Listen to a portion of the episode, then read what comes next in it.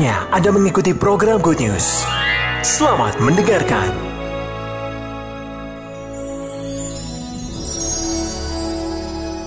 Ada sukacita? Puji Tuhan. Jangan sampai kita datang kepada Tuhan secara uh, ritual, biasa saja. Kita mau masuk kepada Tuhan secara spiritual. Sebab Allah yang kita sembah adalah Allah yang roh.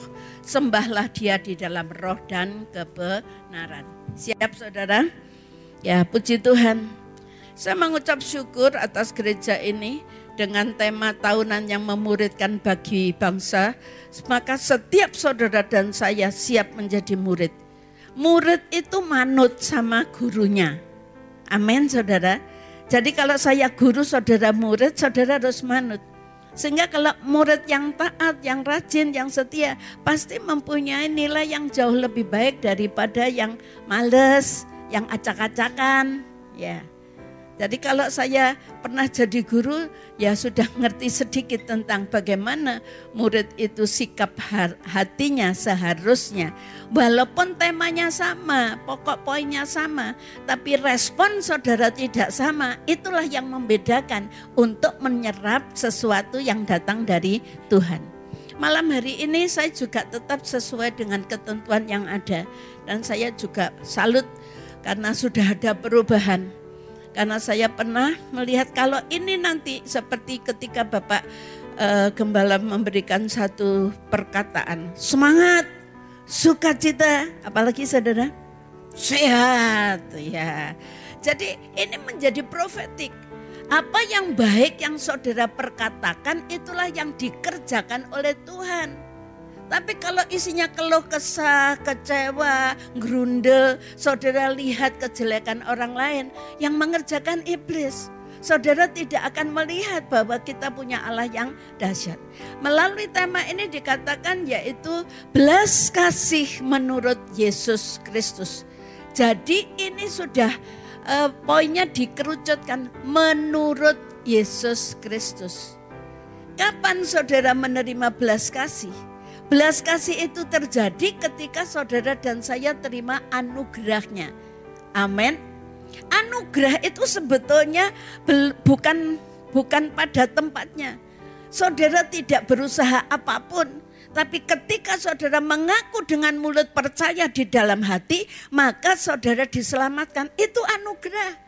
Pemberian secara cuma-cuma, tidak oleh karena kekuatan kita bagi setiap saudara yang sudah menerima anugerah, siapa sih kita ini? Oleh kematian Yesus Kristus, saudara dan saya yang mestinya menerima hukuman kekal, tetapi kita diubahkan untuk menjadi hidup yang kekal. Maka sebagai orang yang sadar, beriman, percaya, aku ini adalah rombongan orang yang sudah dipersiapkan masuk surga. Pastikan saudara akan menerima belas kasih. Ya saya mencoba mencari-cari istilah belas kasih. Tapi karena tadi sudah diberikan rambu-rambu belas kasih menurut Yesus Kristus. Secara umum dikatakan belas kasih atau welas asih itu emosi manusia yang muncul akibat penderitaan orang lain. Seolah-olah penderitaan kita sendiri. Jadi kalau saudara melihat ada orang kecelakaan, saudara mesti, aduh kasihan. Itu belum belas kasih. Tetapi ketika saudara ambil bagian action di situ, saudara mungkin saudara ambil bagian misalnya saja langsung meng, mem, mem, memanggil ambulans, langsung saudara membawa ke rumah sakit. Itu ada actionnya. Kenapa kok itu berani saudara lakukan? Karena saudara adalah orang yang sudah menerima anugerah Tuhan. Jadi hubungan antara anugerah dan belas kasih itu sangat dekat. Tapi kalau sudah jadi orang Kristen yang sudah menerima anugerah, emangnya gue pikirin, ya suka-suka toh. Memang dia sukanya gitu. Oh tidak saudara. Walaupun mungkin saudara tidak tidak memberikan sesuatu yang gede, mungkin saudara sedang menasehati, saudara sedang memberikan solusi. Itu pun sebagai bukti bahwa saudara sedang masuk di dalam belas kasih Allah. Amin. Apalagi Kolose 323, apa pun yang kamu lakukan, lakukanlah itu hanya untuk Tuhan.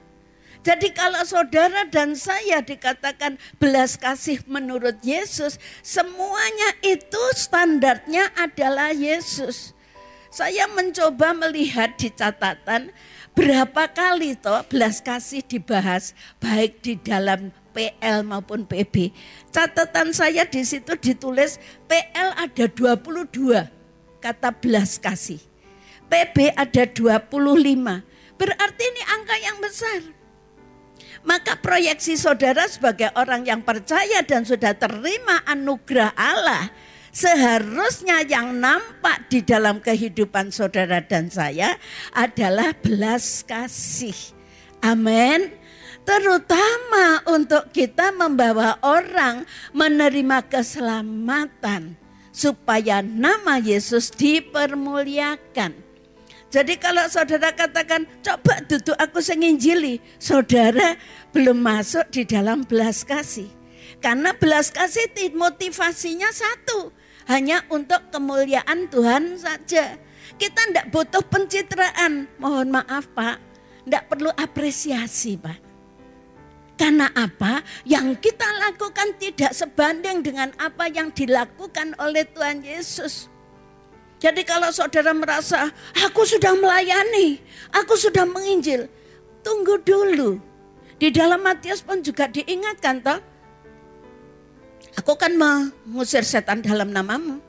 Aku kan menyembuhkan orang dalam namamu. Tapi Tuhan kok tanya, siapa sih kamu? Aku gak kenal kamu. Kenapa? Karena motivasinya sudah tidak sesuai dengan standar Allah. Jadi kalau kita menerima belas kasih Allah, dihargai, tidak dihargai, tidak masalah. Yang kita kejar cuma satu, bagaimana perkenanan kita kepada Tuhan itulah yang menjadi nomor satu. Yang setuju katakan amin. Jadi kalau ada 22 tambah 25 kata belas kasih, ini memberikan satu dorongan buat setiap saudara yang siap dimuridkan dan mau memuridkan. Kita koreksi, supaya dengan demikian saudara akan mengalami sesuatu terobosan. Ketika seorang merasakan sudah dapat anugerah, saya terus terang saja melalui belas kasih ini diingatkan kembali. Sekian tahun yang lalu ketika saya pertama masih imut-imut saudara. Jadi guru umur 23 tahun sudah jadi PNS saudara. Tidak begitu mudah langsung jadi guru saudara. SD lulus saja mau masuk SMP Cuma bayar 300 repes dulu itu repes saudara-saudara. Tidak mampu bayar. Repes itu rupiah bu, mien ya. Iya. Akhirnya saya harus lepas dari orang tua ikut kepada keluarga. Tidak enak. Meskipun di rumah cuma sambel korek aja lebih enak daripada kalau ikut tantenya minum susu saudara. Ada sesuatu yang beda lulus SMP, kemudian kembali. Habis itu gak bisa bayar sekolah, saudara. Soro. Makanya kalau saya sekarang lihat cucu-cucu bisa, wah ini nanti kalau mau berangkat di Singapura itu saudara sudah rambu-rambu. Ti, nanti aku bulan ini mau ke Singapura. Maksud lu? Yang ngerti ya Ti, urunan maksudnya saudara. Dan lek sopo dulu ndak ada saudara. Benar, inilah yang memberikan sehingga apa yang terjadi? Begitu saya lulus, sarjana pun sarjana muda itu pun juga saya ikut sama keluarga. Jadi lulus urusan pengengeran. Ini yang membuat saya menjadikan belas kasih. Andai kata waktu itu saya sudah percaya Yesus, mungkin jauh lebih baik lagi. Cara Tuhan bukan cara saya. Begitu saya naruh sepeda, tiba-tiba ketemu omong-omongan, anak ini tidak bisa masuk, bayar sekolah. Langsung saya ingat, yo opo sorone enggak bisa bayar sekolah. Jadi selama saya jadi guru sampai di pensiun sama Tuhan, kenapa kok di pensiun sama Tuhan? Waktu saya nazar, Tuhan lek aku dikek umur seket, aku tak pensiun. Umur 50 itu berarti pensiun dini saudara. Selama 29 tahun saya diizinkan. Satu orang selesaikan sampai lulus. Satu orang selesai. Belum ada orang tua asuh. Itu anugerah. Saya bisa merasakan penderitaan. Tadi dikatakan penderitaan orang lain seperti bagian kita. Sekarang setelah menjadi percaya dan menjadi hamba Tuhan. Itulah yang saya ambil. Saya minta hati Tuhan Ketika saya melayani, saya tidak pakai bahasa wes biasa melayani. Terlalu familiar. No, saya mesti minta hati Tuhan. Sama seperti kemarin, saya didorong keras untuk datang ke Lavalet mendoakan Pak Herman. Jam 10 11 saya datang, jam 7 setengah 7 pagi dipanggil Tuhan. Saya minta hati Tuhan tanpa belas kasih Bagaimana Yesus ketika melihat orang berbondong-bondong, waktu itu bagaimana kondisinya mereka kelaparan. Tergeraklah hati Yesus. Bagaimana saudara kalau ada orang kekurangan? Bagaimana kalau ada orang yang mau masuk neraka? Itu satu pertanyaan. Kalau sampai saudara katakan, emangnya gue pikirin, biar-biar aja. Aduh, sedih saudara rasanya saya perumpamaan seorang wanita sama seorang bukan wanita ya, seorang Samaria. Itu Tuhan ber, perumpamaan ada tiga, ada orang imam, ada Lewi, ada Samaria. Topiknya tentang kasihlah Tuhan segenap hati, segenap akal budimu. Kasihlah sesamamu. Sing mana sesama itu sing kayak apa? Saya terus terang aja ngaku saudara Dulu kalau naik sepeda dari Gajah Mada pulang, ada orang tabrakan begitu. Saya enggak berani saudara.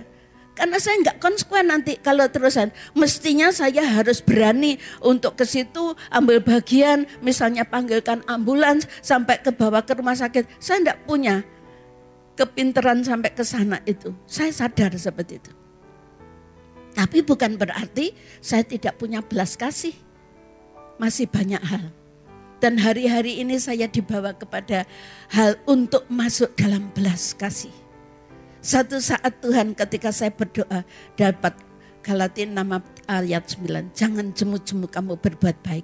Apa Tuhan yang harus aku lakukan? Kamu bisa apa? Bisa apa ya Tuhan ya? Sepertinya nggak bisa apa-apa. Masa lah Tuhan. Tapi itu sesuatu keluar dari hati yang terdalam tanpa me, arah iri hati dengki minta supaya dihormati dia no tapi saya yang ada itu satu kepercayaan yang datang dari Tuhan amin saudara amin ini bukan sekedar tema Hamba Tuhan Bapak Gembala Sidang juga tidak bisa menentukan satu bulan ini tentang belas kasih, tidak.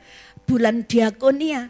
Tetapi setelah itu kita action, apa yang harus kita lakukan? Amin, saudara. Nah ini yang perlu. Jadi dengan demikian kita memang saya rasakan tidak sedang cerita, cerita tentang berkat. Tapi percayalah ketika saudara taat melakukan setiap perkataan firman. Saudara respon, saudara belas kasih kepada pribadi lepas pribadi. Jangan kaget. Bonus itu mengintili saudara. Boleh tepuk tangan saudara. Tapi kalau saudara balik, saudara golek berkatnya salah. Yang, di, yang dikejar adalah sumber berkatnya. Yang memberikan hati untuk berbelas kasih. Tanpa Yesus melalui roh kudus yang ada di dalam saudara dan saya, kita tidak dimampukan untuk berbelas kasih. Satu saat dulu ada arisan pio-pio ya. Saya ditegur. Ada kan firman di surga, nggak ada ngengat kamu nabung apa? Puji Tuhan. Maksudnya apa Tuhan? Ya sudah kalau memang saya nggak boleh ikut arisan, tapi syaratnya loh Tuhan, rada nakal ya. Oleh no disik. Oleh saudara. Saya ingat itu kocokan ke-12. Berarti itu dapat 3 juta. Waktu sebelum dapat saya bilang, pokoknya oleh sing biasa tak bayar utang, tak no NICC. Itu kan Nazar sudah ngomong, tidak ada siapa-siapa, tapi ada Roh Kudus. Tapi saat itu sampai hari ini. Kenapa? Ada belas kasih. Karena apa? Keselamatan jauh berharga daripada hal yang fana. Oke, terima kasih. Masih bisa dilanjutkan? Ya, saya berdoa supaya hal yang sangat sederhana ini dapat kita lakukan dengan luar biasa. Di tema itu dituliskan Matius 9 ayat yang ke-12 dan ayat yang ke-12 dan ke-13. Saya mencoba membaca mulai ayat 9. Perikopnya situ judulnya tentang Matius pemungut cukai mengikut Yesus. Saudara per, per, ngerti toh cukai?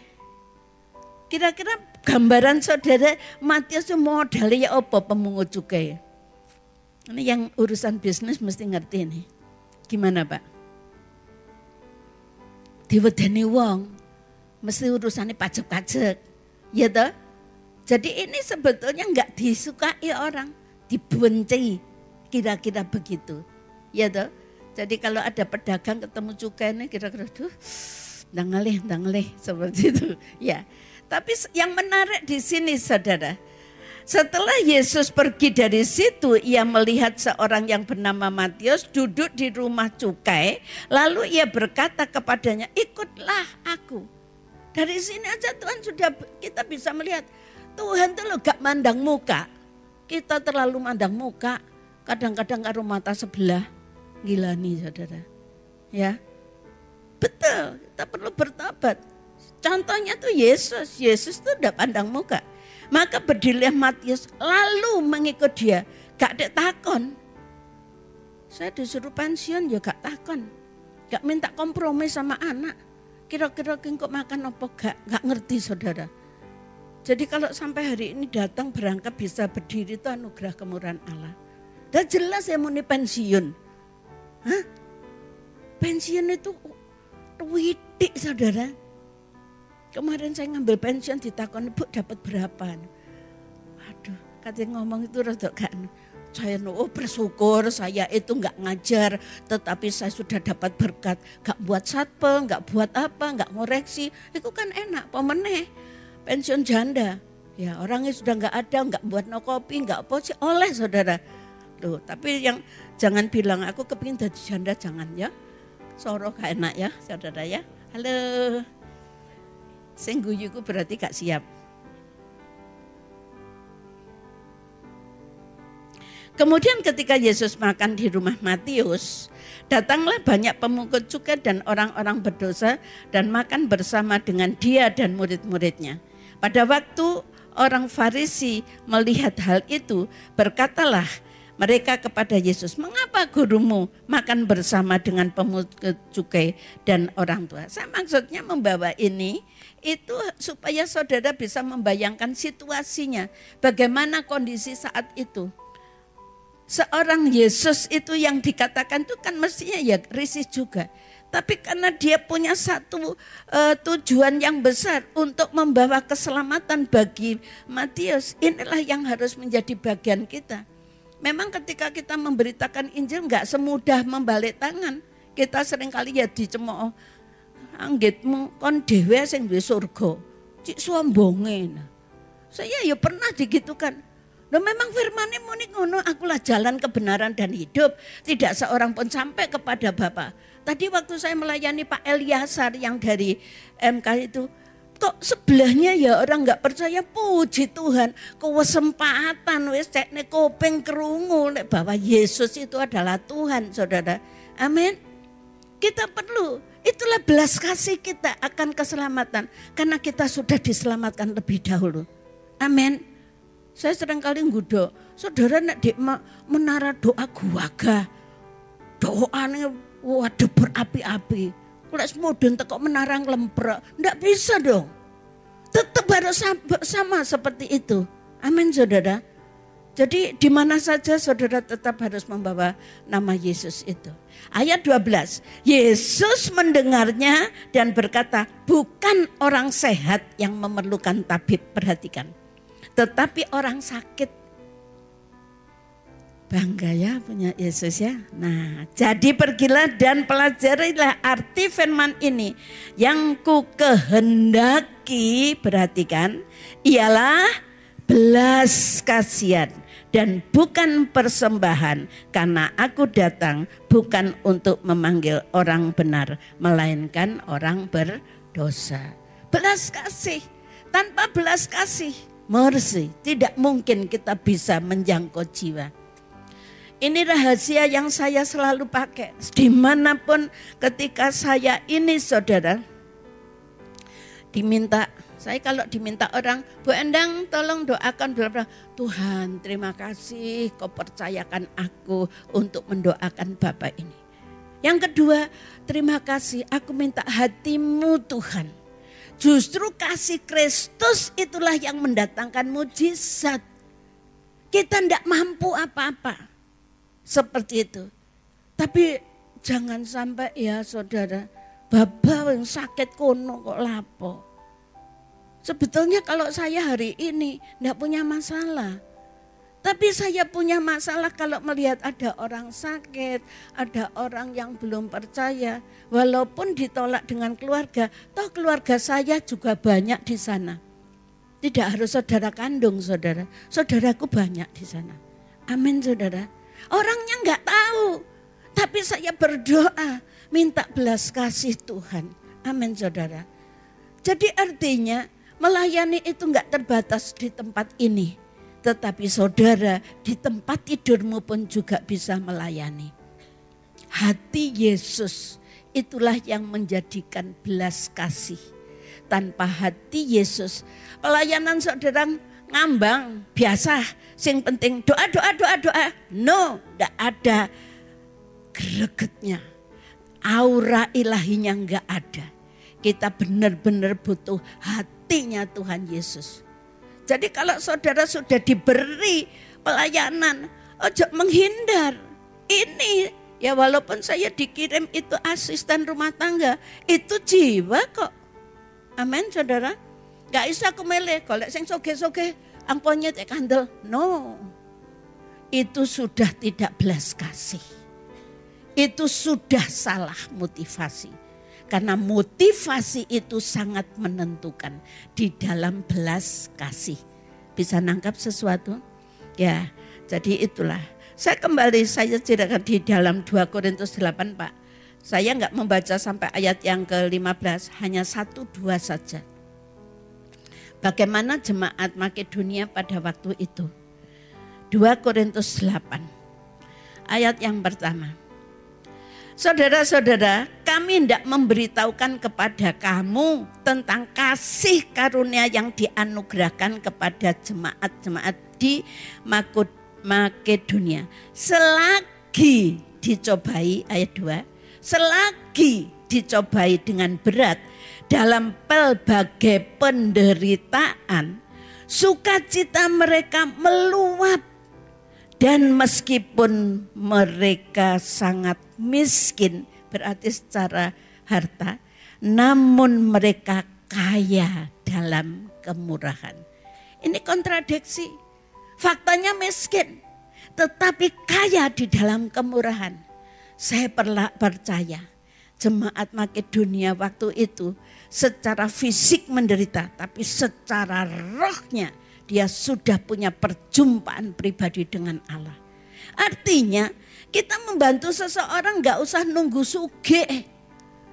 Walaupun kita pas-pasan, tapi kalau Tuhan sudah bilang beri ya beri. Ya memang ada sih ayatnya jangan berhutang apa pun. Jangan sampai kita memberi dengan cara itu tipe orang yang dikatakan menyukakan orang lain. Itu kalau di dalam diklat doa harus pelepasan saudara. Karena apa? Mekso, pencitraan. Supaya dia dikatakan heboh. tapi di hati di mata Tuhan hati kita tidak berkenan. Tapi aja dikai kesempatan, anjane aku sih kurang, kan biyen ya kurang terus. Tapi prinsip memberi itu adalah prinsip keseimbangan. Yang kaya, kaya itu bukan kaya kaya hatinya saudara. Banyak kok sing kaya secara finansial, secara hal yang fana. Tapi kayak gambir melitar itu, pahit itu. Ada ya, sing ngerti gambir melitar. Tahu iku uang kesamben roh mudit. Jadi tidak harus nunggu kaya. Tapi kita perlu anugerah Tuhan. Hati Tuhan. Belas kasih itu akan mengalir. Tidak memaksa. Tetapi dengan rela hati. Dengan tulus hati. Dan ada kesukaan ketika kita dipakai Tuhan. Kita tidak merasa terpaksa. Amin. Nah inilah. Jadi secara daging itu gak mampu tetapi secara hati dikatakan, ya apalagi saya pernah melihat ada perkara perpuluhan loh. Kalau saudara itu sudah dapat anugerah, sudah terima belas kasih Tuhan, apa yang di Alkitab saudara itu pasti saudara ingin untuk memberi melakukan toh? Iya toh? Jadi di sini tuh sampai 29 tahun saya mengabdi di, di SCM ini saudara. Kira-kira kalau saya hitung lima jari ini belum ganep untuk Bapak Gembala membahas tentang perpuluhan. Tetapi saudara yang sudah dimuridkan, saudara sudah belajar membaca firman dan merenungkan dan melakukan, saudara melakukan semua yang ada itu tidak dengan paksa, tetapi dengan tulus hati dapat sesuatu saudara. Nah jadi itu apalagi saudara mohon maaf ya aku nggak iso sing genjreng sing apa-apa. Waduh genjreng tapi karo metutut saudara. Itu mang duduk jatahku saja nih. Tapi saudara kalau dibalik saudara sikap saudara puji Tuhan aku sih dipercaya Tuhan. Saya enggak pernah kok daftar anu pelayanan. Kalau saya tanya sama Mbak Devi itu, kira-kira bulan ini aku ada tugas apa enggak? Masalahnya ngatur. Ini nanti saya juga mau pergi ya tanya dulu saudara. Maksudnya supaya saya bukan menjadi orang yang tidak bertanggung jawab. Belajar. Allah wong cuma jadi pendoa syafaat aja seperti itu. Bukan saudara. Amin. Jadi jauh hari sudah bertanya supaya tidak salah ya. Jadi hal-hal ini karena kenapa? Kenapa uh, kita kembali kepada filosofi gereja ini filosofinya masih ingat? Apa saudara? Memperhatikan keselamatan dan kebutuhan sesama. Sinten sesama? Ya sampai dengan saya. Amin saudara. Nanti yang di MK bolak balik bulan MK baksos, baksos. Karena di sini ada dua. Diaken itu pelayanan raja. Diaken itu pelayanan raja. Artinya apa? Dia melayani melalui hartanya. Nah yang pejabat itu melayani sebagai imam. Harus menggeluti firman. Belajar firman terus Ono hamba Tuhan kok liyane ngresulo, ngerus ulo terus sae. Lah ulo ini digerus ya apa? Halo? Amin saudara. Tapi kalau saudara sudah tahu peranan itu, saudara ndak ada iri hati dengki. Yang ada cuma belas kasih. Saya berdoa bulan ini nanti deretan nama-nama yang ada di diakonia itu yang suka penyumbang dana akan bertambah lagi. Halo. Saya sudah dapat bagian. Di seluruh ada namanya Buratin. Itu saya teman saya ada. Waduh saudara, itu MK Sukun 6. Tapi anugerah kemurahan Allah. Tuhan itu baik. Biasanya kalau ke panti asuhan itu luarang. Ini dapat murah saudara. Puji Tuhan. Itu anugerah kemurahan Allah. Amin saudara. Kita itu tidak selamanya memberi dengan kerenjel gede, walaupun kecil. Sampai saya diajar sama Tuhan. Lima talenta, dua talenta, satu talenta. Lima dan dua ngomongnya ya apa? Mari hambaku yang baik. Sama toh lima dan dua. Saya percaya seandainya yang satu itu juga tidak menyembunyikan, tidak dikubur, tetapi dikerjakan dengan sungguh. Baik satu, dua, dan lima, jawaban Tuhan pasti sama. Mari hambaku yang baik. Amin. Bisa mengerti maksud saya? Meskipun kecil mek doa tok di balik layar gak ada apresiasi. Tapi saya bangga karena saya masuk dalam dewan musyawarah Allah. Siapa yang boleh memberitakan firman? Siapa yang boleh menangkap firman? Mereka yang ada di dalam dewan musyawarah Allah. Hah? Kok gak no pendoa? Ya wis pinter doa kok jaluk no. Tugas kita mendoakan orang lain. Jadi kalau saudara ibadah semua-semua berjalan lancar, ada di balik sana yang tidak dilihat manusia. Tapi ada sepasang mata yang melihat bahwa saudara didoakan. Sehingga setiap pelayanan tidak ada yang sia-sia. Amin saudara. Jemaat Makedonia walaupun miskin, tapi dikatakan kaya dalam kemurahan. Ayo kita renungkan, nggak usah nunggu suki. Hati saudara, ketika saudara menasihati, ketika saudara mendoakan, saudara melayani apa pun, karena saudara disertai dengan belas kasih Allah. Saudara sudah terima anugerahnya. Saya percaya Tuhan yang kita sembah berkata, mari hambaku yang baik. Amin. Ini yang perlu kita kejar. Perlu kita kejar. Supaya saatnya ketika bel berbunyi kita dipanggil pulang. Ada senyum yang manis. Ada perkenanan Allah. Amin saudara. Amin. Ini yang seharusnya menjadi bagian kita itu dulu pendoa loh bu, aktif loh bu. Gara-gara covid sakit belas gak gelem. Kami mengalami krisis jumlah pendoa. Dulu 13, 13 uh, RD. Sekarang satu kali ibadah cuma tiga orang. Dan itu pun kalau ibadah di CPM gak mau ditugaskan di NICC. CPM ya CPM dok. Tapi saya nggak apa-apa, itu urusan dia dengan Tuhan. Jadi kalau saya harus jaga hati. Ya maklumlah, wis U, faktor U, gak iso pindah-pindah ya sudah. Ya. Tapi yang itu rekrutmen itu masa dibengoki pendoa, pendoa ya gak metu, gak ono sing gelem pendoa. Aja mesam-mesem. Fakta toh? Karena pada umumnya manusia itu ingin dihargai.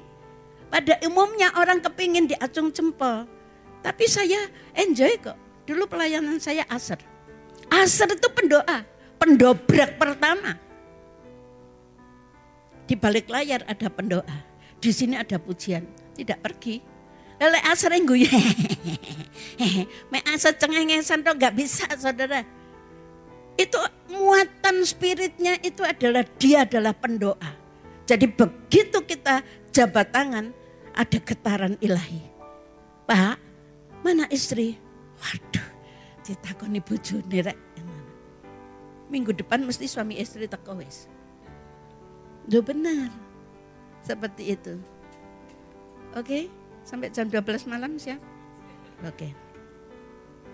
Dilono kris aku. Jadi jelas ya, Makedonia dalam kondisi miskin, teraniaya. Makanya ini pun juga dipakai contoh oleh Tuhan. Jemaat Smyrna, satu-satunya dari tujuh jemaat di kitab Wahyu itu yang dapat acung jempol. Dia dalam keadaan miskin. Miskinnya itu bukan oleh karena dia, karena dianiaya akibatnya jadi miskin. Tapi keteguhan hatinya untuk melekat kepada Tuhan tidak geser. Beda dengan Laodikia, aku kan kaya. Tetapi Tuhan mencela. Jadi ini yang sebetulnya harus menjadi acuan kita. Ayo kita baca dari tujuh jemaat itu. Saudara termasuk gereja yang mana? Bagaimana prinsip pemberian orang Kristen? Orang yang tadi dikatakan belas kasih menurut Kristus. Yang pertama, oh, si pertama Chan, khawatir Chan. Kita adalah milik Kristus. Roma 8 ayat 9. Saudara milik Kristus? Saudara milik Kristus? Ini yang harus menjadi pegang teguh. Kalau milik Kristus, saudara pasti seturut dengan Kristus melalui firman-Nya. Tetapi kamu tidak hidup dalam daging, katakan amin. Amin. Dudu amin sing kono yo. Jangan salah. Melainkan dalam roh. Jika memang roh Allah diam di dalam kamu, tetapi perhatikan ini, jika orang tidak memiliki apa? roh Kristus, ia bukan milik Kristus. Katakan amin. Aminnya kepada Yesus, bukan amin ke tetangga. Ngerti maksud saya? Kedua, hidup bagi Allah. Ini prinsipnya. Jadi kalau saudara memberi sebagai bukti, aku sudah jadi bait Allah. Aku punya roh kudus. Yang kedua, hidup bagi Allah. Matius 6 ayat yang ke-24. Cepat kok Chandra. Tak seorang pun dapat mengabdi kepada dua tuan, karena jika demikian ia akan membenci yang seorang dan mengasihi yang lain, atau ia akan setia kepada yang seorang dan tidak mengindahkan yang lain kamu tidak dapat mengabdi kepada Allah dan kepada Mamon. Mamon ini saingan Tuhan. Duit. Bukan iblis loh. Uang. Nanti juga ada saudara, nanti dibaca. Di mana ada hartamu, di situ ada hatimu. Sekian tahun anakku kecil ke Pasir Putih, sudah jam 11.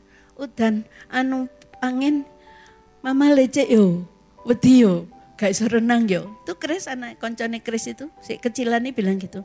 Ya lecek ancen gak iso renang kok saudara. Tapi antara lecek, gengsi, dan kasih kepada anak bingung saudara. Berangkat. Mau nonton laut itu loh saudara. Hah? Ada karang-karang.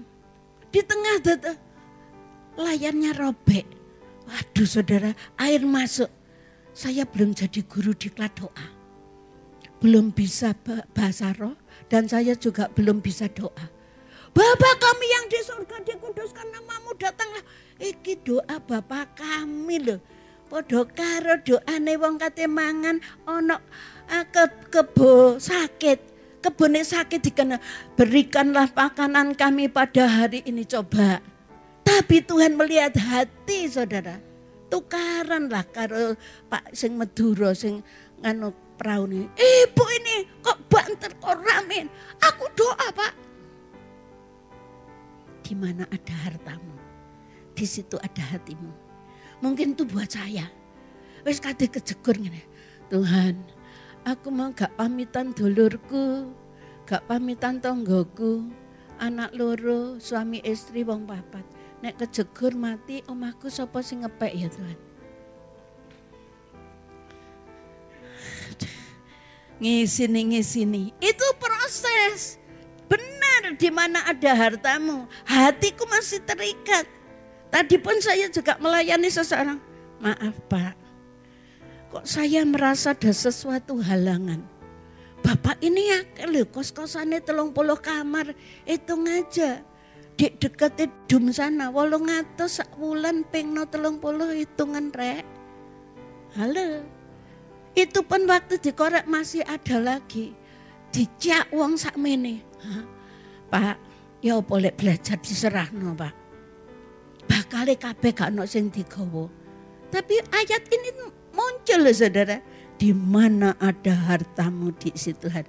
Ya aku gak bisa nyalano. Ya le aku mobil gak duwe omah ya iku. Katanya mati ya wis babal lah seperti itu kira-kira ngono. Tapi nyatanya waktu itu King kok lek aku mati, sopo sing ngepek omahku lho. Bayangno saudara. Apa meneh lek sing wis duwe sembarang kalir, ojo mati dhisik ngono. Tapi lek kadung disempret kate muni ojo mati dhisik, kesuwen. Gak bisa, Saudara. Oleh karena itu perlu penyelesaian supaya diselesaikan dengan Tuhan, beres dengan Tuhan. Amin Saudara. Saudara adalah milik Kristus. Saudara hidup oleh karena Kristus. Oleh karena itu kita mau supaya apa yang kita lakukan salah satunya waktu saudara memberi itu sebagai bukti menolong bagi yang membutuhkan. Mengucap syukur ya tempat ini setiap acara ada bakti sosial. Mereka mendapatkan berkat dan itu satu hal. Kalau saudara secara MK, ya saudara bisa lakukan tetangga kiri kanan saudara pun juga banyak yang juga membutuhkan. Kita lihat coba di Amsal 19. Pak sampai jam berapa, Pak? sing sing duwe gawe. Ndak, ndak semua jangan nggak usah. Yang penting dikerjakan. Amsal 19 17. Siapa menaruh belas kasihan perhatikan kepada orang yang lemah. Apa saudara? Apa saudara? Kira-kira lek Tuhan utang nang sampean itu loh dibayar apa gak? Halo? Bukan dibayar dok, tambah dikai anak aneh. Hah? Loh, firman doh. Sikap saudara ini sangat penting. Jangan familiar dengan firman responsif dengan firman, terjadilah firman dalam hidupmu. Pada mulanya adalah firman, firman itu bersama Allah, firman itu adalah Allah. Jadi kalau keping ngutang itu yo ngekek ono terus. Loh gak ono sing amin. Kok rasanya kok sih jadi gambir blitar ya? Hah? Ini firman bukan saya, firman. Dan saya melihat kadang-kadang saya bukan melihat, oh semakin terpesona. Saya melihat Tuhan Yesus itu semakin terpesona. Yang membuat saya terpesona pertama pasti kematiannya. Tanpa kematian Yesus kita tidak bisa kodeksi. Tidak bisa kita mengadakan hubungan yang akurat dengan Tuhan. Oke, nah itu tadi saya tambahkan menyimpan harta di surga kalau kita memberikan ya. Matius 6 20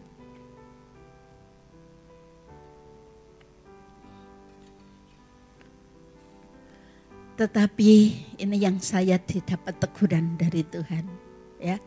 Tetapi kumpulkanlah bagimu harta yang di surga di surga ngengat dan karat tidak merusakkannya dan pencuri tidak membongkar serta mencurinya. Amin. Semakin kita berlomba masuk di dalam kehendak Tuhan rencananya. Saya percaya sekecil apa pun diperhitungkan oleh Tuhan.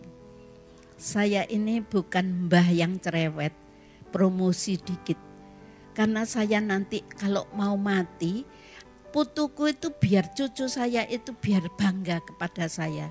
Jangan sampai kalau nanti saya itu ketemu anakku, aduh le, sambat.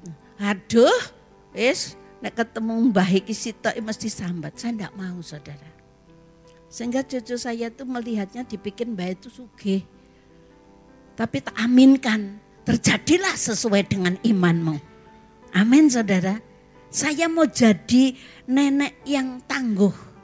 Yang jadi contoh buat cucu. Jaga mulut, jangan sampai ngeroweng. Ya, tapi ada sebagai idola. Bahkan mbahku itu. Ada, cucu saya kecil. Saya tahu, Luti kalau nggak jadi Kristen masuk neraka. Lah kok cerita sama AS, anu, asisten rumah tangga Bu, sampean kalau nggak masuk, nggak jadi Kristen masuk neraka loh bu. Saya yang dimarahi sama sama. Tapi waktu SMP dia sudah membawa temannya Buddha masuk Kristen. Baru satu. Tapi boleh tepuk tangan loh saudara. Jadi dengan kelugasannya itu ternyata juga menjadi daya tarik. Seperti itu saudara. Jadi inilah yang sebetulnya menjadi bagian setiap kita supaya nama Tuhan Yesus saja. Saat saudara memberi itu bukti kasih saudara kepada Tuhan. Amin saudara. Saat saudara memberi karena ketika saudara memberi kepada Tuhan, saudara bukan hanya memberi secara uang, bisa nasihat, bisa saudara lakukan yang sekecil apa pun. Ketika saudara memberi, berarti saudara siap untuk menerima kelimpahan. Karena apa? Memberi itu sama dengan menabur. Ya, jadi kalau saudara menabur satu biji lombok, nggak mungkin akan menghasilkan satu biji lombok. Enggak, itu akan mengalami kelipat kali gandaan. Karena dikatakan memberi itu sama dengan sedang mengaktifkan kepada Tuhan. Amin. Tuhan Yesus memberkati.